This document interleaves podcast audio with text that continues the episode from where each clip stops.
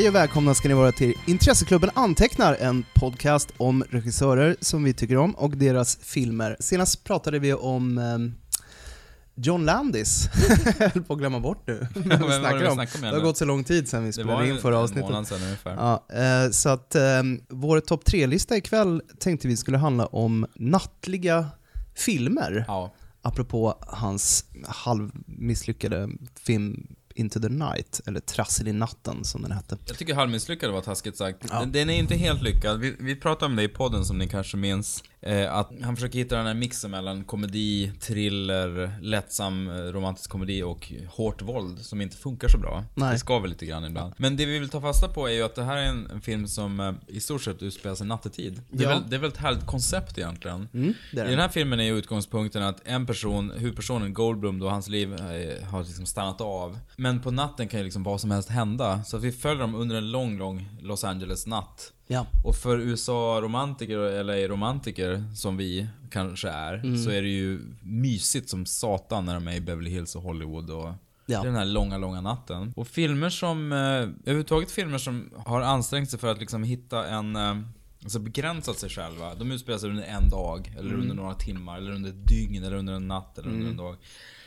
Gör att det blir, det blir ofta spännande. Ja, det ger ju någon sorts illusion av realtid också. Ja. Det var väldigt svårt tycker jag att välja kandidater till eh, det här begreppet. Just för att Mm. vi begränsades dessutom till att det skulle filmer som utspelar sig under en natt. Mm. Och då börjar man ju naturligt också leta efter filmer där natten nästan har som en, blir som en rollfigur. Eller Mm. liksom det här nattlandskapet har en, Precis. ja, en betydande roll i filmen så att Mm. säga. Men eh, jag tror jag har lyckats få ihop tre stycken som jag tycker är värda att ta upp. Mm. Jo, men jag har också tre, men det blir en lång lista på... På eh, hedersomnämnande. Verkligen, ja. för det, här, det finns många, många filmer att välja på, vilket är härligt. Ja, ska du eller jag börja?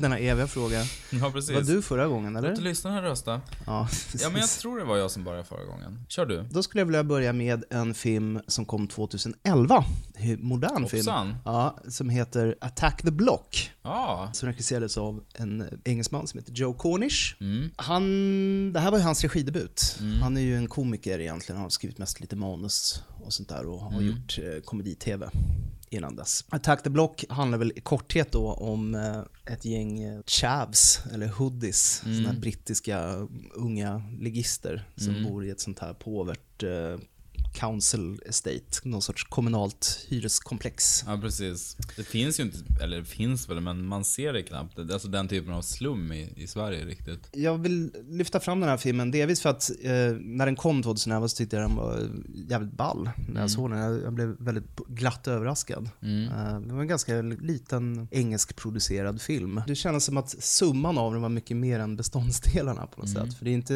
det är inga stora skådisnamn, det var en, en obeprövad regissör. Mest kända som inblandade i filmen var väl kanske Basement Jack som gjorde soundtracket. Just det. Den handlar ju då om de här unga ligisterna och att det här bostadsområdet där de bor blir invaderat av utomjordingar. Mm. Och de eh, ja, grupperar sig helt enkelt och försvarar sitt, eh, sitt, eh, hood. ja, sina kvarter. Mm. What is that, cuz? That's an alien, bruv. Believe it. When I landed in the wrong place, though, you get me? The wrong place. Well done, lads. You discovered a species hitherto unknown to science. He kicked his head in. Yo, check it. More. More what? Them things. Lovely fireworks. Tsunami. It's alien invasion. Of course it is. I'm killing them. I'm killing them straight. Let's get tooled up, blood. Quite sweet, really, aren't they? That looks triple the size. Right now, I feel like going home, locking my door, and playing FIFA. What were those things? Thinking probably alien. What kind of alien would invade some council estate in South London? One that's looking for a fight. Jag tycker ju jättemycket om eh, framförallt också att den eh, lyfter fram de här liksom unga ligisterna som människor. Såna här hoodies är ju ofta eh, någon sorts sån här brittisk underklass som traditionellt visas i, i väldigt dåliga dagar eller som monster eller onda människor. Det kanske började med typ filmer som This is England och sen har det bara fortsatt på något sätt i någon sorts demonifiering som följer eh, vulgärpolitiken lite grann. Jag tänker också på filmer som eh, Eden Lake och Harry Brown och Sån här typ att... Ja, du har ju samma skådis där, den killen där, Mm. i This is England och Eden Lake. Men Eden Lake blir de demoniserade. Den är ju som Deliverance, eller Motorsågsmassakern. Atlantisarna är modiska galningar. Mm. Ja. Men This Ja, och England... framförallt underklassen. Ja, underklassen, precis. Och f- om det finns någon läskigare än underklassen så är det ett, ett barn från underklassen. Mm.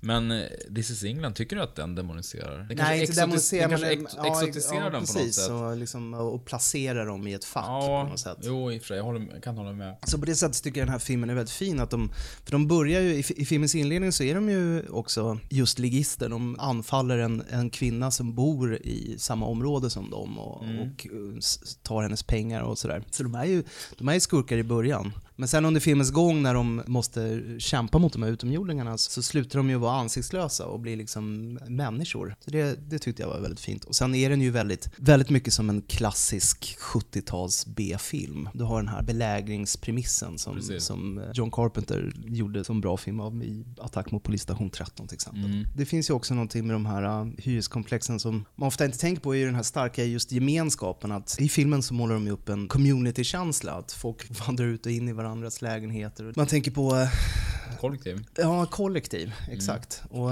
för mig som växte upp på Fältöversten, Västmanland, så ska jag inte säga att mina omständigheter under uppväxten var som de här ungdomarnas. Men jag kommer ändå ihåg det här äh, att man hade ett kompisgäng som all, vi bodde alla ganska nära varandra. Och man sprang in och ut i varandras lägenheter. Man var ute hela kvällarna. Det fanns ju inget annat att göra. Vi hade ju inga liksom, dataspel. Någon hade en Commodore 64 kanske. Men annars var det ju ute, ute och ränna jävligt mycket. Och bara strula. Och liksom hitta på upptåg tills man var tvungen att gå och lägga sig i princip. Och just skildringen av det också tycker jag är väldigt, väldigt stark. Även om det är något som har gått förlorat på senare år. Att barn inte är ute, så här, ute och röjer själva på kvällarna Så lika är det mycket. Jag. Man, de är hemma, föräldrarna är mycket mer oroliga nu. Ja. Barnen är hemma mer. Man ser hellre att, att ungen sitter och, och spelar på sin iPad nu låter jag jättereaktionär känner jag. Men det finns alltid en viss oro när ungen är ute. Det är ju inte helt obefogat, men vi har ju mycket tyngre trafiksituation i, Stockholm nu än vad vi hade på för 20-30 år sedan till exempel. Så att det, det är klart, att det är, det är väl potentiellt sett lite farligare att springa runt på gatorna nu. Men det det känns ändå som att någonting har gått förlorat där. Och i filmen så har de ju inga framtidsutsikter. De, är- det är också det att det enda de har är ju varandra. Jag, jag tror att det, det re- res, resonerar, vad säger man, resonates. Det slår an en ton, all, den, alla typer av filmer. För att jag tycker man, som handlar om kompisgäng. För jag tycker det, det är det man kan sakna i sitt vuxna liv. När alla har bildat familj, bildat par och bor utspridda. Och man har inte det här starka kompisgänget. Det är då man vill vara i ett sammanhang som Friends eller någonting. Eller som det utmålas i tv-serier, Big Bang Theory. Ja. Alltså jag tror alltid att många av de här sitcomarna är populära kan ju vara just att, ja men tänk att få vara ett gäng som bara sitter och snackar med varandra i en soffa hela dagarna. Mm. Det är det man drömmer om lite grann när alla är utspridda på, i olika öar överallt Ja. över stan. Så alltså, Ja, men just den här musketörkänslan också, att det är en för alla och alla för en. men precis, ett, ett kompisgäng där man är beredd att liksom göra allt för varandra. Sen så är det ju, den är jävligt cool just för att den, den tar två genrer. Nå, någonstans den socialrealistisk brittisk skildring av underklassen och Alien Invasion-film och slår ihop det. Och någon sorts coming of age-drama Ja, ja precis. dessutom. De tre genrerna slår ihop i en total mashup och det funkar ju verkligen bra. Dels det och sen har den ju, den visar ju aliens, utomjordingarna har ju aldrig sett så här ut på film förut. Nej. De är en slags lurviga björnar som skuttar fram. De Med lysande som, eh, ögon. Ja, nästan som ja, varulvar. Förmodligen av budgetära skäl också. Ja, men precis. Ja, men- men det funkar ju väldigt bra. Exakt, de, de ser väl ut som de gör för att han hade inte så stor budget, Nej. Joe Cornish. Men det ser ändå jävligt coolt ut. Ja. Och det är inte det viktiga heller. För jaktsekvenserna och sånt där när de blir jagade och, är ju oerhört effektivt Ja, gjorda. verkligen. Alltså det är en väldigt, väldigt säker regidebut.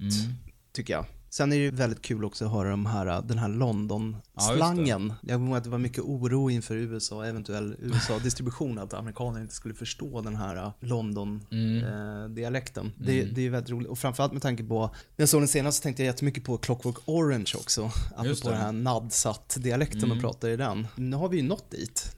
Det är ju någon sorts konstigt sammelsurium av gammel cockney och, eh, och moderna internationella influenser. Så att det, han hade fan rätt. Burgess. det blev så. Ja, före sin tid. Han, han förstod hur det skulle bli. Nej men sen kan vi nämna han John Boyega också i, i en av huvudrollerna. Ja. Som verkligen ser ut som en, en ung Denzel Washington. Mm. Och som efter den här filmen har blivit Han har ju, hade ju en liten roll i 24 senaste säsongen. nu Just ska det. han vara med i Star Wars Just det. eh, 7 också. Mm. Så hans karriär har ju gått Spikrakt uppåt. uppåt. Ja. säga, vilket Det är kul. Han är ju väldigt bra också. Ja, han är jättebra. Nästintill alla de här uh, ungdomarna var väl också just amatörer. Som de hittade på olika såna här council estates. Jo men Nick Frost är väl den mest kända skådisen. Mm. Och det känns som att, han är ju bra, men man hade nästan kunnat stryka hans roll. Ja, det, det han är ju funkat. bara där f- som affischnamn. Ja men lite så är det ju. Det känns inte som att, han är en slags comic relief, men det känns inte som att han tillförde jättemycket. Det hade varit ganska gött att bara ha okända skådisar. Det Det är det funkat väl samma produktionsbolag som gjorde Edgar Wright-filmen Ja, det är det. Bra film. Mm. Och Attack the Block är, måste ni ju se. Den finns, nu ska vi inte sitta och göra reklam, men den, men den finns på svenska Netflix. Alla bra Den finns på diverse vodtjänster. Så säger vi. Den finns på diverse vodtjänster. Jag, jag har inte sett den på just streaming, men vodtjänster vet jag att den finns på. Och den finns faktiskt på Blu-ray också. Mm. Till det facila priset av 30 kronor till och med. Min trea Mm. är en film som heter Night of the Living Dead. ja. Som minnesgoda lyssnare vet så har jag ju to get you kränkt, jag har ju kränkt George Romero i tidigare avsnitt eftersom vi snackade om topp tre remakes som är bättre än originalet. The Crazies, eller? Då hade jag både The Crazies och eh, Dawn of the Dead. Mm. Som jag tyckte att de nya versionerna var bättre än originalet. Mm. Sen har jag ju fått många fax och många mail från fått George. göra, du gör en pudel nu. Ja men Romero har hört av sig. Alltså vi hade jättebra kontakt tidigare, men det har ju det har blivit lite svalt. Ja. Alltså vi käkade ju lunch rätt ofta förut. Ja. Nu får du lägga på såhär crickets. Tumbleweed. Nej men eh, efter att George har hört av sig så får jag dementera. Eller, Men jag får väl... eh, Night of the Living Dead är ju den första i hans zombie-trilogi. Mm. Som sen tyvärr blev ju en, vad, heter det? Tetra? Ja, hur många har han gjort nu? Ja, det här vi snackade om tror jag, sex eller sju, jag är lite oklar över det. Land of the Dead, Ja. som var okej, men apropå det, Simon Pegg och Nick Frost spelar zombies där. Ja, just det. Diary of the Dead, Island of the Dead hette den Ja, det? herregud. Ja, Ja, är det har gäng kommit nu. några halvbra. Ja. Hur som helst, det här var ju den första filmen. Och det är ju, det börjar ju, som, precis som du sa, med det här paret, brorsan och syrran som är på kyrkogården. Han håller på och busar sig. They're coming to get you Barbara. alltså jättefjantigt. Ja, precis. När det kommer en gubbe som givetvis visar sig vara en, en Ja. bona fide zombie som vill Ja. checka upp dem båda två. Och Därför ska kommer man den här aldrig långa- skämta om sånt Nej men där. man ska inte det. Sen kommer den här långa, långa zombieattacken. Och den utspelar sig ju från sen eftermiddag till morgonen därpå egentligen. Eh, en zombieattack eh, som gör att ett gäng människor belägrar sig i, i en stuga. Welcome to a night of total terror. night of the living dead. The dead who live on living flesh. The dead whose haunted souls hunt the living. The living whose bodies are the only food for these ungodly creatures.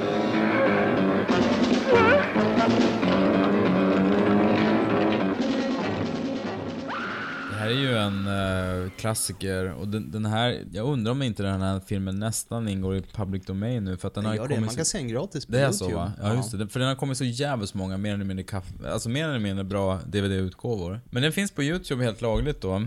Eftersom våra lyssnare skulle aldrig se en film olagligt på YouTube. Nej. Den här kan man se lagligt. Det är, den är svartvit, men den är, den är ganska... Det är ju studentprojekt. Ja men verkligen, den är, den är kantig och inte super skillful men den är jävligt... Ordet effektiv har jag använt för mycket i den här podcasten, men den är, den är effektiv verkligen. Mm. Och den är ju ganska hardcore. Man, ni minns ju den här scenen med zombie-tjejen som sitter nere i källaren just och det. hugger ihjäl en person med en tårtspade. Mm. Det är, det är ganska grovt. Men just den här känslan av att allting händer under en natt. Sen måste jag ju avslutningsvis, den här filmen såg jag första gången på Super Channel. Gamla Ehm, Super Channel. Ja, precis. På en 16-tums TV. Ja. eh, Med reklamavbrott. Ja. Jag var ensam hemma och den gick på Super Channel. Som annars körde, bara, körde kassafilmer. De, Eh, hade inte de också en sån här skräckprogramsgrej Mm. med någon sån här Vampira... Jo men jag tror de hade Figur. det. Ja, så var det nog. Ja, det kan ha det har jag vaga minnen men på- du, du ja. minns nog bättre ja. Mm. Som i Fright Night som vi snackade om tidigare podcast. Ja, precis. Och Gremlins 2. Precis. Nej men den, den typen av program hade Super Channel och då körde de Night of the Living Dead. Så första gången jag såg den var på en liten jävla 16-tums TV med reklamavbrott på Super Channel. Ja, och var ändå rädd. Och var jätterädd och tyckte det var superläskigt. Ja. och då vet man ju att en film funkar. Ja. Om man blir rädd faktiskt. Fast man ser den under de uslaste förutsättningarna. Zombies är ju liksom, de är ju det moderna monstret. Mm. Alltså, det, är klart, det görs ju filmer som Godzilla och sånt där och, och man ska ju inte bli rädd för Godzilla. Nej. Men just zombies är ju vår tids monster. För man, man, vi tittar idag på 50-talsfilmer, folk går runt i gummidräkt och man tycker det är skrattretande. Men då var, man ju, då var det ju läskigt. Då var ju folk rädda för de här. Plus att det knyter an till det här som Jean-Paul Sartre så fint sa. Att Hell is other people liksom. Mm. Helvetet är de andra. Det finns ju inget värre för en stockholmare än att måste prata med okända människor i, i tunnelbanan. Eller i, alltså att, att i något socialt sammanhang vara tvungen att prata med en annan människa. Mm. Det är den största skräcken människor har. I, I alla fall i stockholmare. Ja. Om man då tänker en hord av sådana människor som bara kommer emot en. I wanna pick your brains. Precis. Vi ska kallprata. Get away from me! Blir man livrädd. Så att det är väldigt, eh, väldigt effektivt och bra. Nej men, Night of the Living Dead finns på en YouTube-kanal nära dig. Sen så gjorde han ju, alltså Dawn of the Dead och Day of the Dead är ju säkrare berättarmässigt. Men eh, som många andra, liksom, som du säger, studentprojekt, så man har en person som verkligen vill berätta någonting och har begränsade medel, så kan, i bästa fall kan det bli väldigt tight, effektivt, koncentrerat berättat. Med, med vissa defekter, men just det här blev väldigt bra. Ja. Utan, sen blev det ju, när han fick mer pengar och gjorde Dawn of the Dead, så blev det, blev det ju longörer. Ja.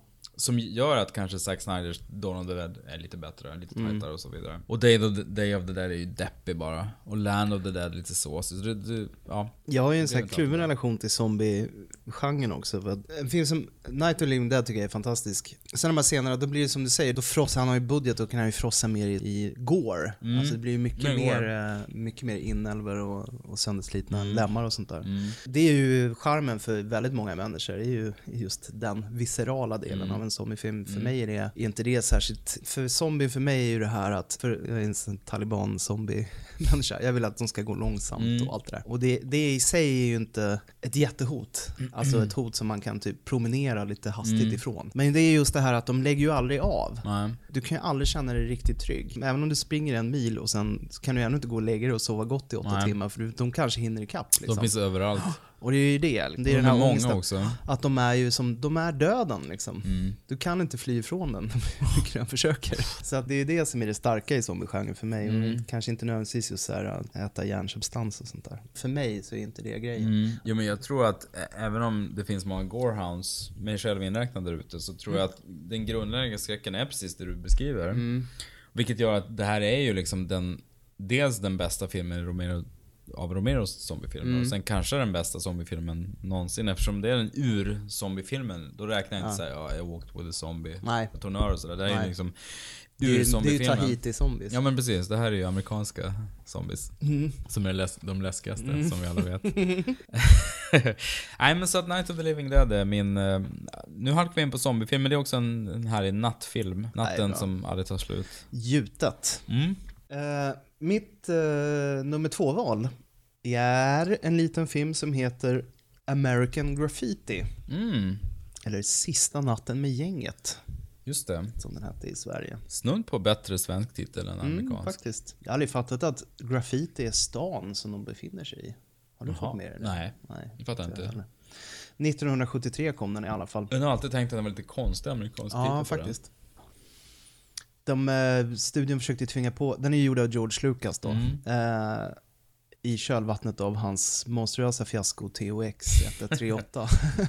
Det var dags Som, att göra något mer lättillgängligt efter som det. Zoetrope lanserade som introduktionen till en ny härlig era av fantastiskt filmskapande. Nu ska vi inte göra en film med Robert Duvall i badmössa som blir petad på av, av robotar, utan vi gör en lite av, lättsammare av film. idel statister i, i vita ungdomar. klänningar. Precis. Och den här filmen var ju också en reaktion på det.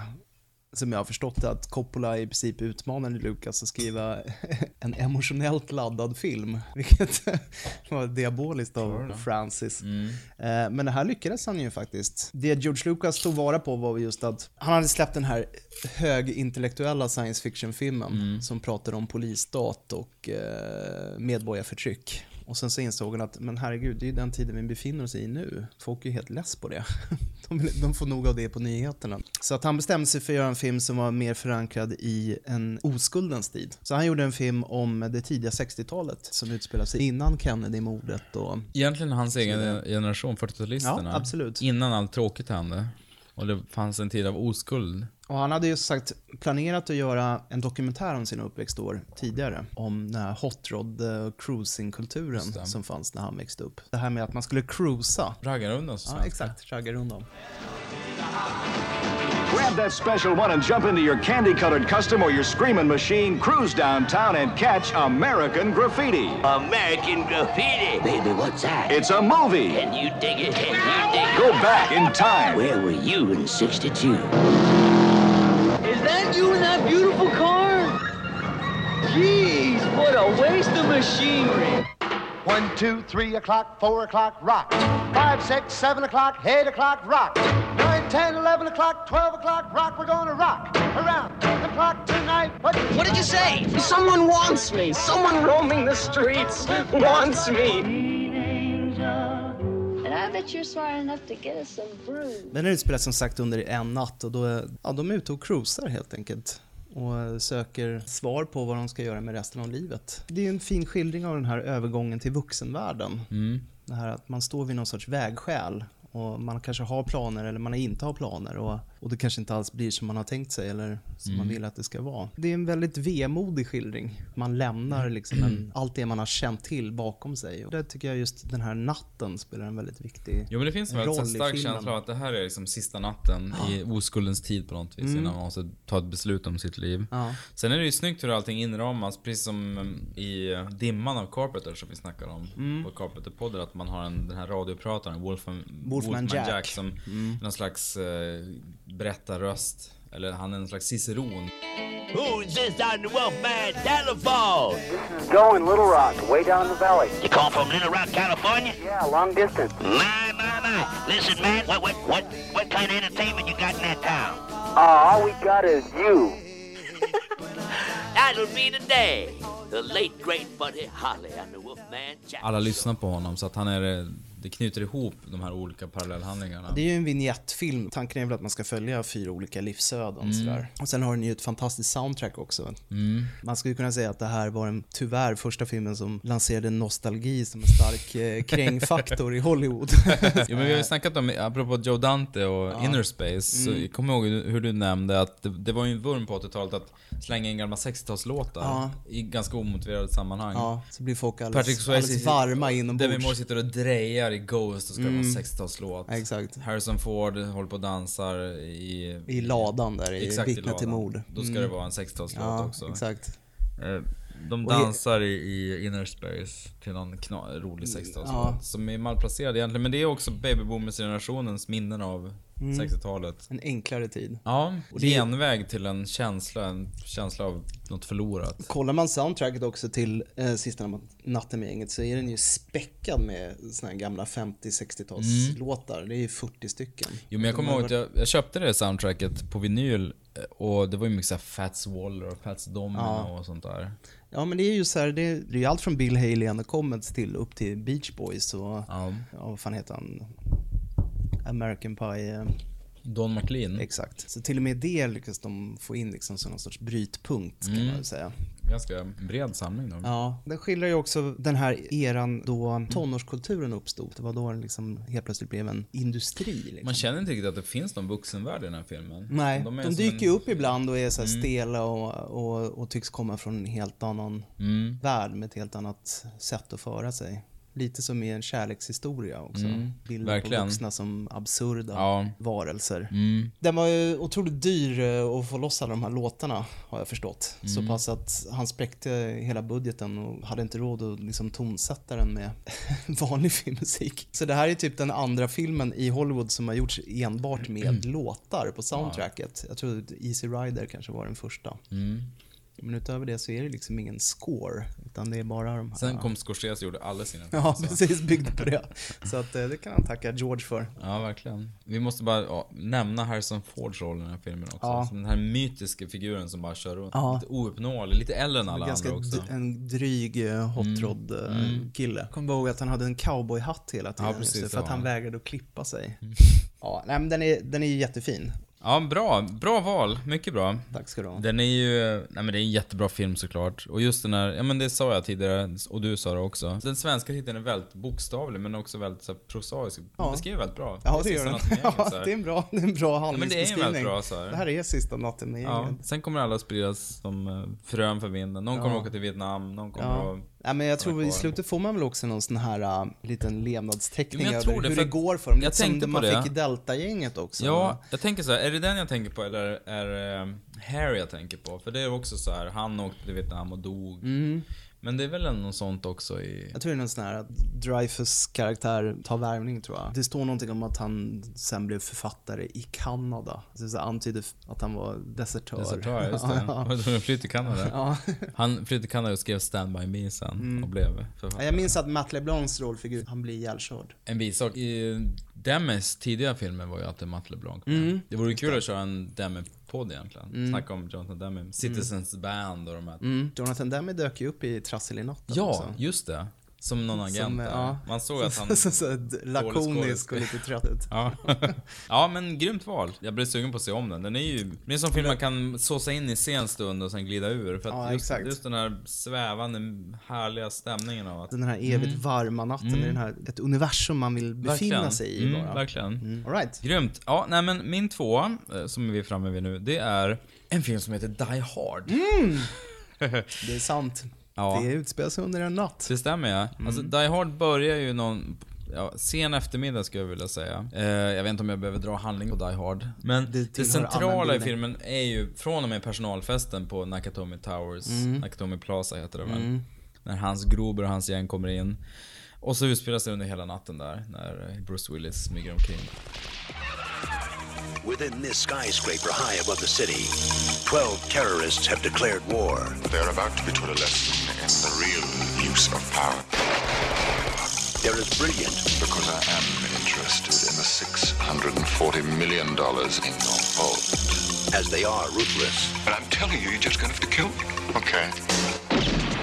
We do it the hard way. Now, the last thing McLean wants Think, damn it, think! Is to be a hero. Where's Howie? Hey, Tucker! Where? But he doesn't have a choice. What does he think he's doing? Job. They have already killed one hostage. This channel is reserved for emergency calls only. En aspekt av det här med nattfilmer är att man är på en koncentrerad eh, tidsrymd, vilket är Mm. bra. Mm. En annan ganska tungt vägande aspekt för nöjet att titta på det är ju den här mysfaktorn. Ja. Att det är, det är mysigt på natten. Det är därför Westworld, alltså Vita huset, är en mysig TV-serie. Mm. det utspelas på natten hela tiden. Mm. Man har hårt arbetande människor som sitter och jobbar sent, det blir mörkt, som sitter vid tio tiden och för, förbereder någon proposition de ska snacka om. Och just det här, det, det finns någonting med människor som arbetar sent på kvällen och är sk- skitsmarta och snygga och så vidare och kvicka är en del av det. Men just det att det är på natten, det är mysigt. Ja. Och jag vet inte vad kopplingen till Die Hard är. jag har tappat Ja. den på vägen. Ja, det gör men, inget. Nej, det gör inget. Men det är härligt. Ja. ja men det är, det är ju mycket, och jag tänker, det är ju, filmen är ju peppad, man tänker på det som så här, om det här är ju modern till alla de här actionrökarna, Die Hard, vilket det faktiskt är. Det, Ja. det är ju Jo men det blir, det blir nästan en skämt helig ko i actionfilmgenren. 10-15 år efteråt var det så här. varenda actionfilm kunde man pitcha med Die Hard på en hockeyrink. Ja, exakt. Die Hard ja. förr i tiden. Die Hard i ett badrum. Visst är det så, men så, även då, när man ser om den idag så är filmen full av såna här små, ganska intima scener. John McClane sitter i, i något hisschakt eh, och röker en cigarett och, och myspratar i Mm. walkie-talkien med den här polisen på Mm. utsidan. Och, Mm. Eller så sitter han i en sån här, en sån här ventilationstrumma. Han till och med- tillbringar mycket tid i ventilationstrummor. Alltså är rakbladstunn aluminium som Mm. inte ens kan bära upp fem kilo egentligen. det här är ju inte en film som Terminator 2 till exempel som kom. Die Hard är från 88 och, Mm. och T2 kom väl 91. T2 92. är ju en film, 92. Tror jag. Mm. Det är en film som inte har någon paus förrän kanske 40 minuter in. Mm. Det är inte förrän de kommer till hennes vapenförråd Nej. som den blir en paus. Nej. Det är typ 40-45 minuter in. Ja, det är, det är, allt innan är bara Ja, det är bara, hets. det är bara att mata på. Det är så jävla mäktigt. Medan Die Hard är ju lugnare som du säger. Det finns många pauser där. Mm. Och, och en stor del av behållningen är ju jargongen Mm. från en snut till en annan. Mm. De finner ju varann. Mm. Och de har, det är ju det här klassiska att snuten på gatan har bättre koll förstås än polischeferna som Mm. bara Breach, breach och de är såhär vänta, vänta. De, polisen gör bort sig, de är så här hetlevade, vill, vill sätta upp snipers och döda Målkåta snutar. Ja, målkåta. Som Ernst Günther eh, föraktar i Mannen från Ja, just Mallorca. Kvinnlig gränspolisen. Det är Bruce Willis och han Reginald Fell Johnson som är coolt namn Ja, överhuvudtaget. det är det verkligen. Sergeant Al Powell. Mm. De kommer ju nära varandra också för Powell har ju det här problemet att han har råkat skjuta ett barn är det va? I någon shootout tror jag vid någon liquor store eller någonting. Just det, så Alltså, han är ju traumatiserad. Han har, han har ett trauma. Mm. Det var någon unge som drog det. vapen på honom. Med Ja men det är någon sån grej. Mm. Det är ju det här som är mysigt att de är nära varandra hela filmen men de ses först sista minuten av filmen. Ja. sätt. Men det blir väldigt förtätat när den här natten pågår. Are you there Roy? Don't give up on me Precis. Roy. Precis. Sen har du ju återigen Paul Gleason då som vi snackade om i John Mm. Landis-podden. Spelar ju en av de här otroligt skitnödiga... Idiot eh, Ja. FBI-agenterna. Verkligen. Stick up Mm. his ass. Som Mm. verkligen ska bara, ja men in med snipers på en gång. Han har ingen förståelse överhuvudtaget. Han fick bara spela såna as. Ja, ja. Med den äran. Med bravur verkligen. Ja. Och kändes inte så endimensionellt jobbig utan bra ändå. Mm. Men det var inte så jättesnällt. The guy you love to hate. Exakt. Lite som han, vad heter han? Glömmer alltid hans namn. Miljöverket-snubben i Ghostbusters. Han, får ju, han är ju också med i Die Hard-filmerna, spelar den här reportern. Ja, William Atherton. Just det. Ja, just det. Han är också ett sånt klassiskt Ja, a-hole. Verkligen. Och i Die Hard får ju Bonnie Bedelia nöjet av genom en fet smäll Just det. Härligt. tillfredsställande Ja, smocka. En av filmhistoriens bara, mest uh, härliga Ja, den är grym. För det, det hade inte varit samma grej om Bruce Willis hade smokat. Nej. Det, är när hon gör det blir Mm. det gött. Ja, det är hon som har blivit utsatt. Man hade kunnat välja Die Hard credit 2 is due. eller Die Hard 3 för det, de är ju också, de har ju valt att fokusera under På- vissa dygn liksom. Ja, Men Die Hard 2 känns mer som en julfilm egentligen. Ja, det är en julfilm. Juligare. Mm, det är mer snö i den. Ja men det är mer snö och så... spelas inte i Los Angeles. Nej men precis. Die Hard är ju, den tangerar ju lite skåpet som vi har pratat om Ja, tidigare. faktiskt. Den ska bara in i skåpet. Men jag tror den att- platsar i en topp tre. Efter den här gången så åker den in i skåpet. Ja. Skåpet är då vår version av Ja. eh, The Pantheon. Pantheon. Ja, precis. Alltså filmer som är så söndertjatade och som vi älskar så mycket så de ställs i skåpet. Ja, Vi får inte behöver snacka inte, om dem. behöver inte prata om dem mer. Nej. Eh, jag eh, avrundar min lista med en liten film från 2013. Jag körde mycket moderna filmer Oj. idag. Mm. Som heter, lite- ja verkligen, som heter Lock. Gjord av en regissör som heter Steven Knight. Mm. Som i grunden är manusförfattare. Helt okänt namn för mig faktiskt innan jag såg Lock. Men han har ju skrivit eh, en del filmmanus. Bland annat eh, 100 steg från Bombay till Paris. Ja, den Lasse där. Hallströms Hallströms eh, nya hit. Mm.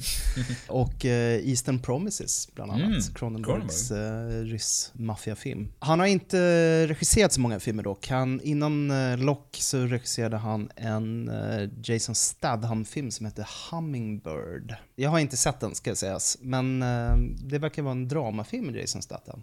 Oväntat. Men hur som helst, Lock, fantastisk film. Mm. Den handlar om en byggförman som jobbar på en jättestor eh, byggarbetsplats i Birmingham tror jag det är. Och kvällen innan de ska ägna sig åt en eh, jättestor avancerad eh, grundläggning Mm. av en skyskrapa så kliver han i sin bil och lämnar stan och åker till London. Så hela filmen utspelar sig under en natt då han via handsfree-telefon i bilen måste förklara för sina chefer och medarbetare varför han har övergett sitt jobb. Men han är i någon slags kris, livskris? Han är i en livskris. Grejen är den att, jag ska inte avslöja för mycket Nej, för det är så mycket av handlingen som framgår under, under filmens gång. Men det finns en anledning att han måste ta sig till London. Mm. Och den har att göra med en tidigare snedsteg Mm. i, i äktenskapet.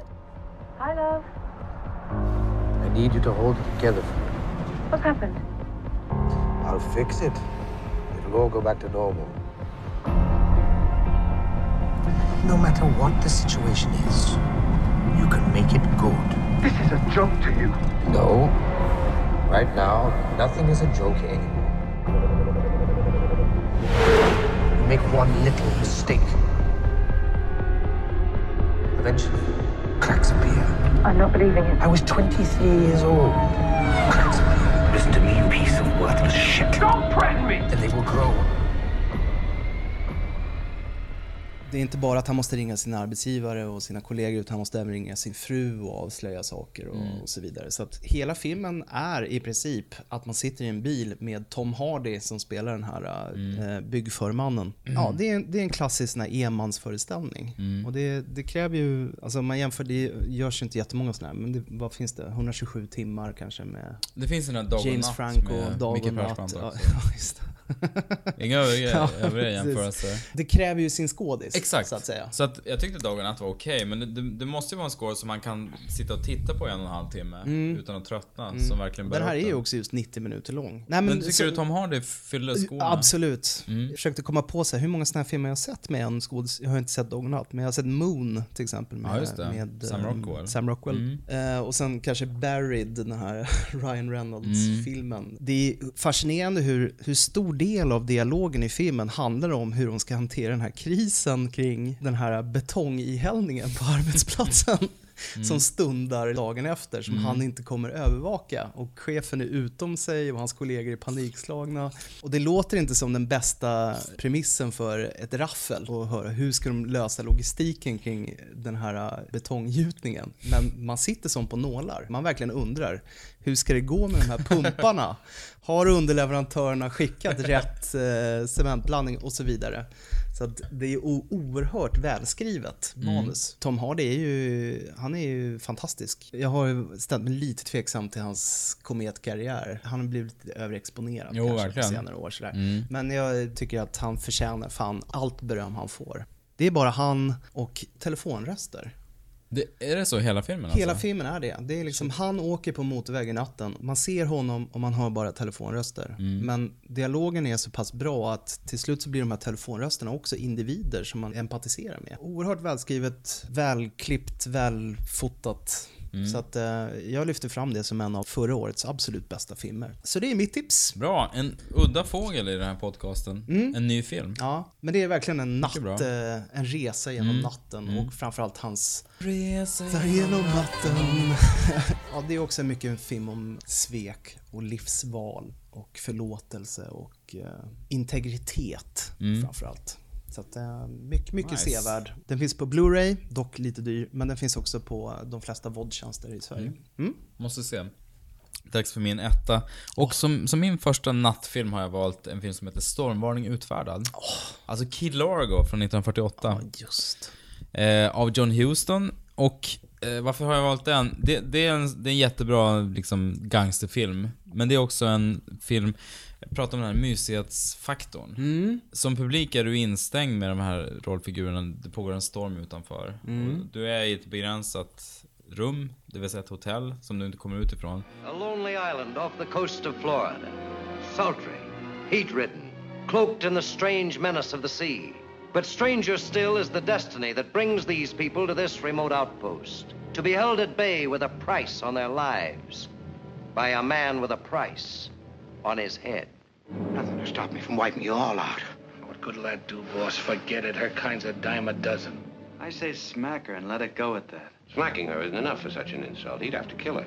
Then he'd have to kill the rest of us because we witnessed it. But to kill us all or nothing. Handlingen är ju då att, det här, nu var det några år sedan jag såg den här, ska erkännas faktiskt, men... Och jag ska erkänna att jag har inte sett Nej men det får, det, det får man. Alltså det är ju inte...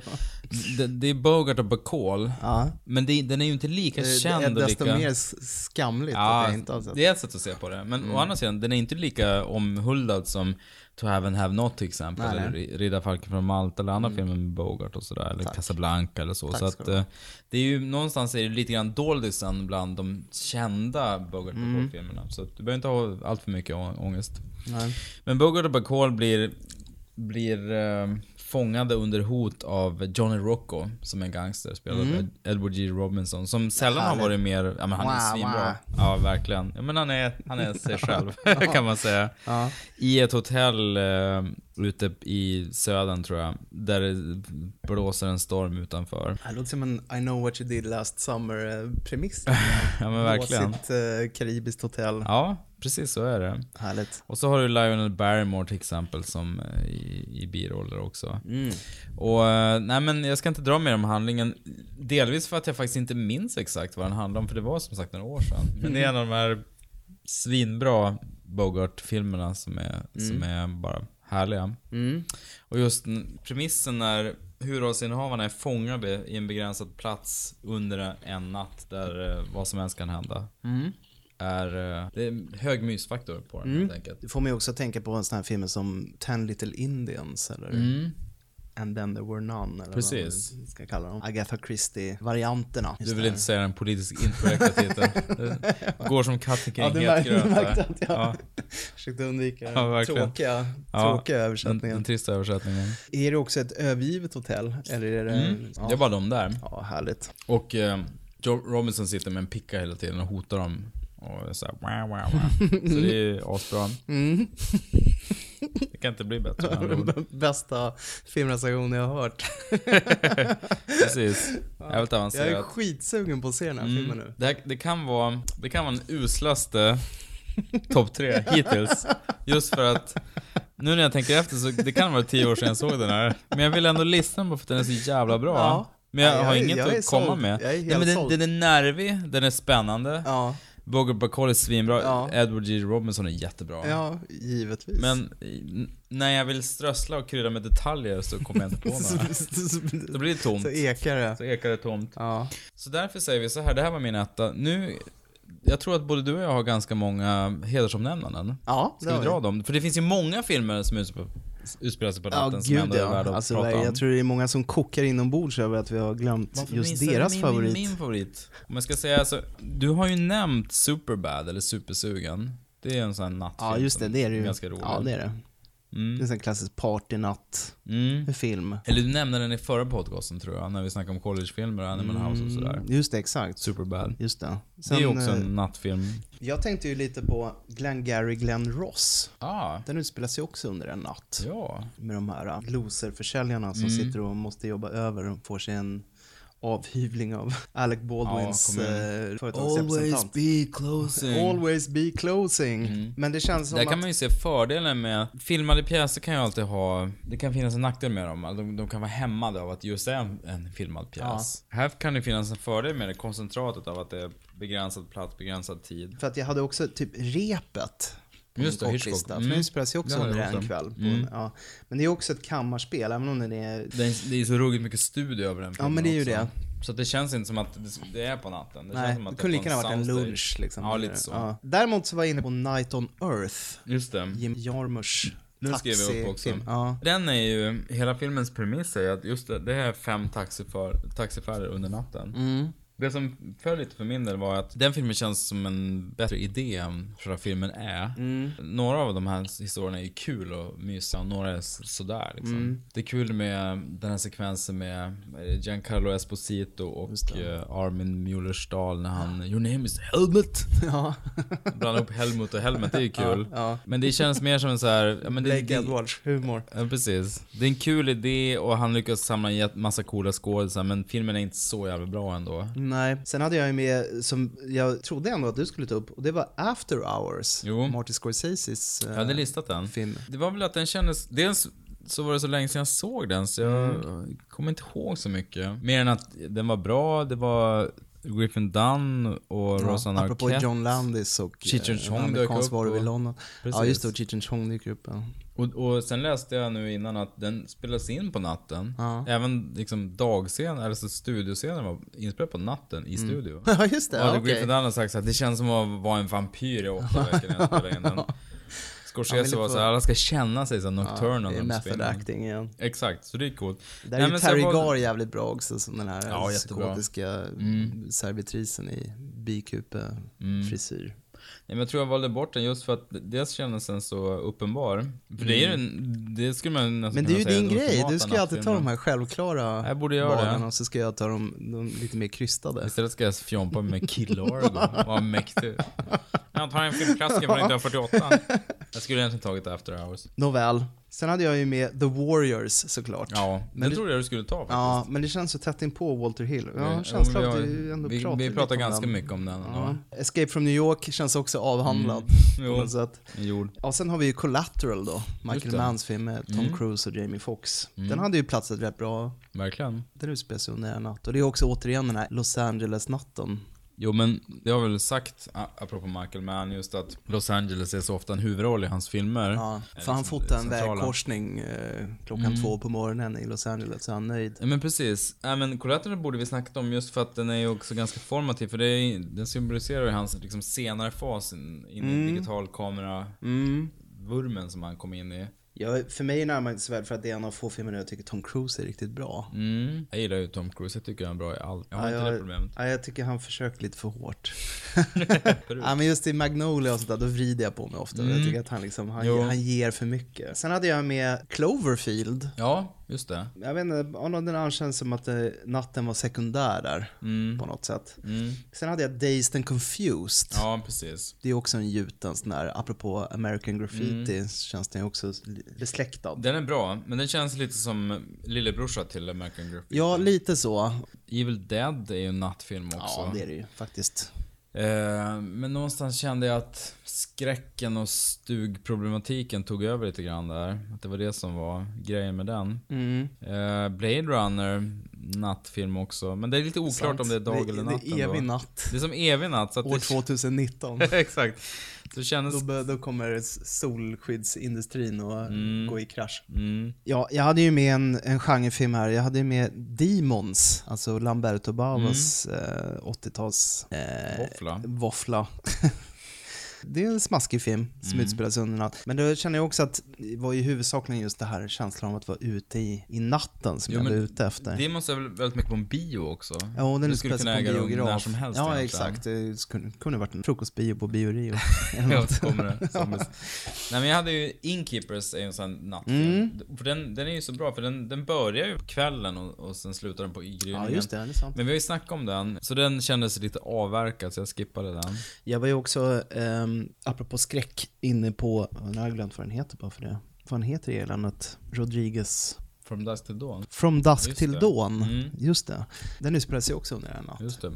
Att döma av titeln till och med. För jag kommer ihåg att jag såg den när den kom, då tyckte jag så här, åh vilken härlig film. Mm. Eller cool film. Mm. Men sen så här, i efterhand så har jag känt att, men var den cool? Eller var det bara att de att paketerade liksom skit på ett hippt sätt och så skulle man, förstår vad jag menar? Att den Jo. känns lite ihåligt hipp. Jag tror det kan vara så. Den håller inte längre. Nej, du hade inga fler? Nej, det var de jag hade. Mm. Ja, det var ju ändå ett gäng. Jo. Får sägas. Det är ju tacksamt att lägga en film på natten liksom. Mm. Ja, därmed så har vi avverkat våran topp tre-lista. Mm. Om ni känner att ni har ett förslag på en bättre topp tre än vad vi hade så får ni gärna mejla oss med förslag på era favorit nattliga filmer. Exakt. Känn er fria. Dels att eh, plussa på med bra nattfilmer som vi kanske missade ikväll, eller på den här podden. Och sen får ni gärna föreslå eh, lämpliga topp tre som vi kan köra framöver. Mm. Om ni har några bra idéer. Det är bara att fläska på. Och så mejlar ni till ikapodcast@gmail.com. Alltså IKA podcast gmail.com. Vi återkommer om inte allt för länge hoppas vi med en ny smarrig regissör som vi ska beta av. Japp. Tills dess så säger jag som heter Per, tack för att ni lyssnade och Jesper säger Hej då!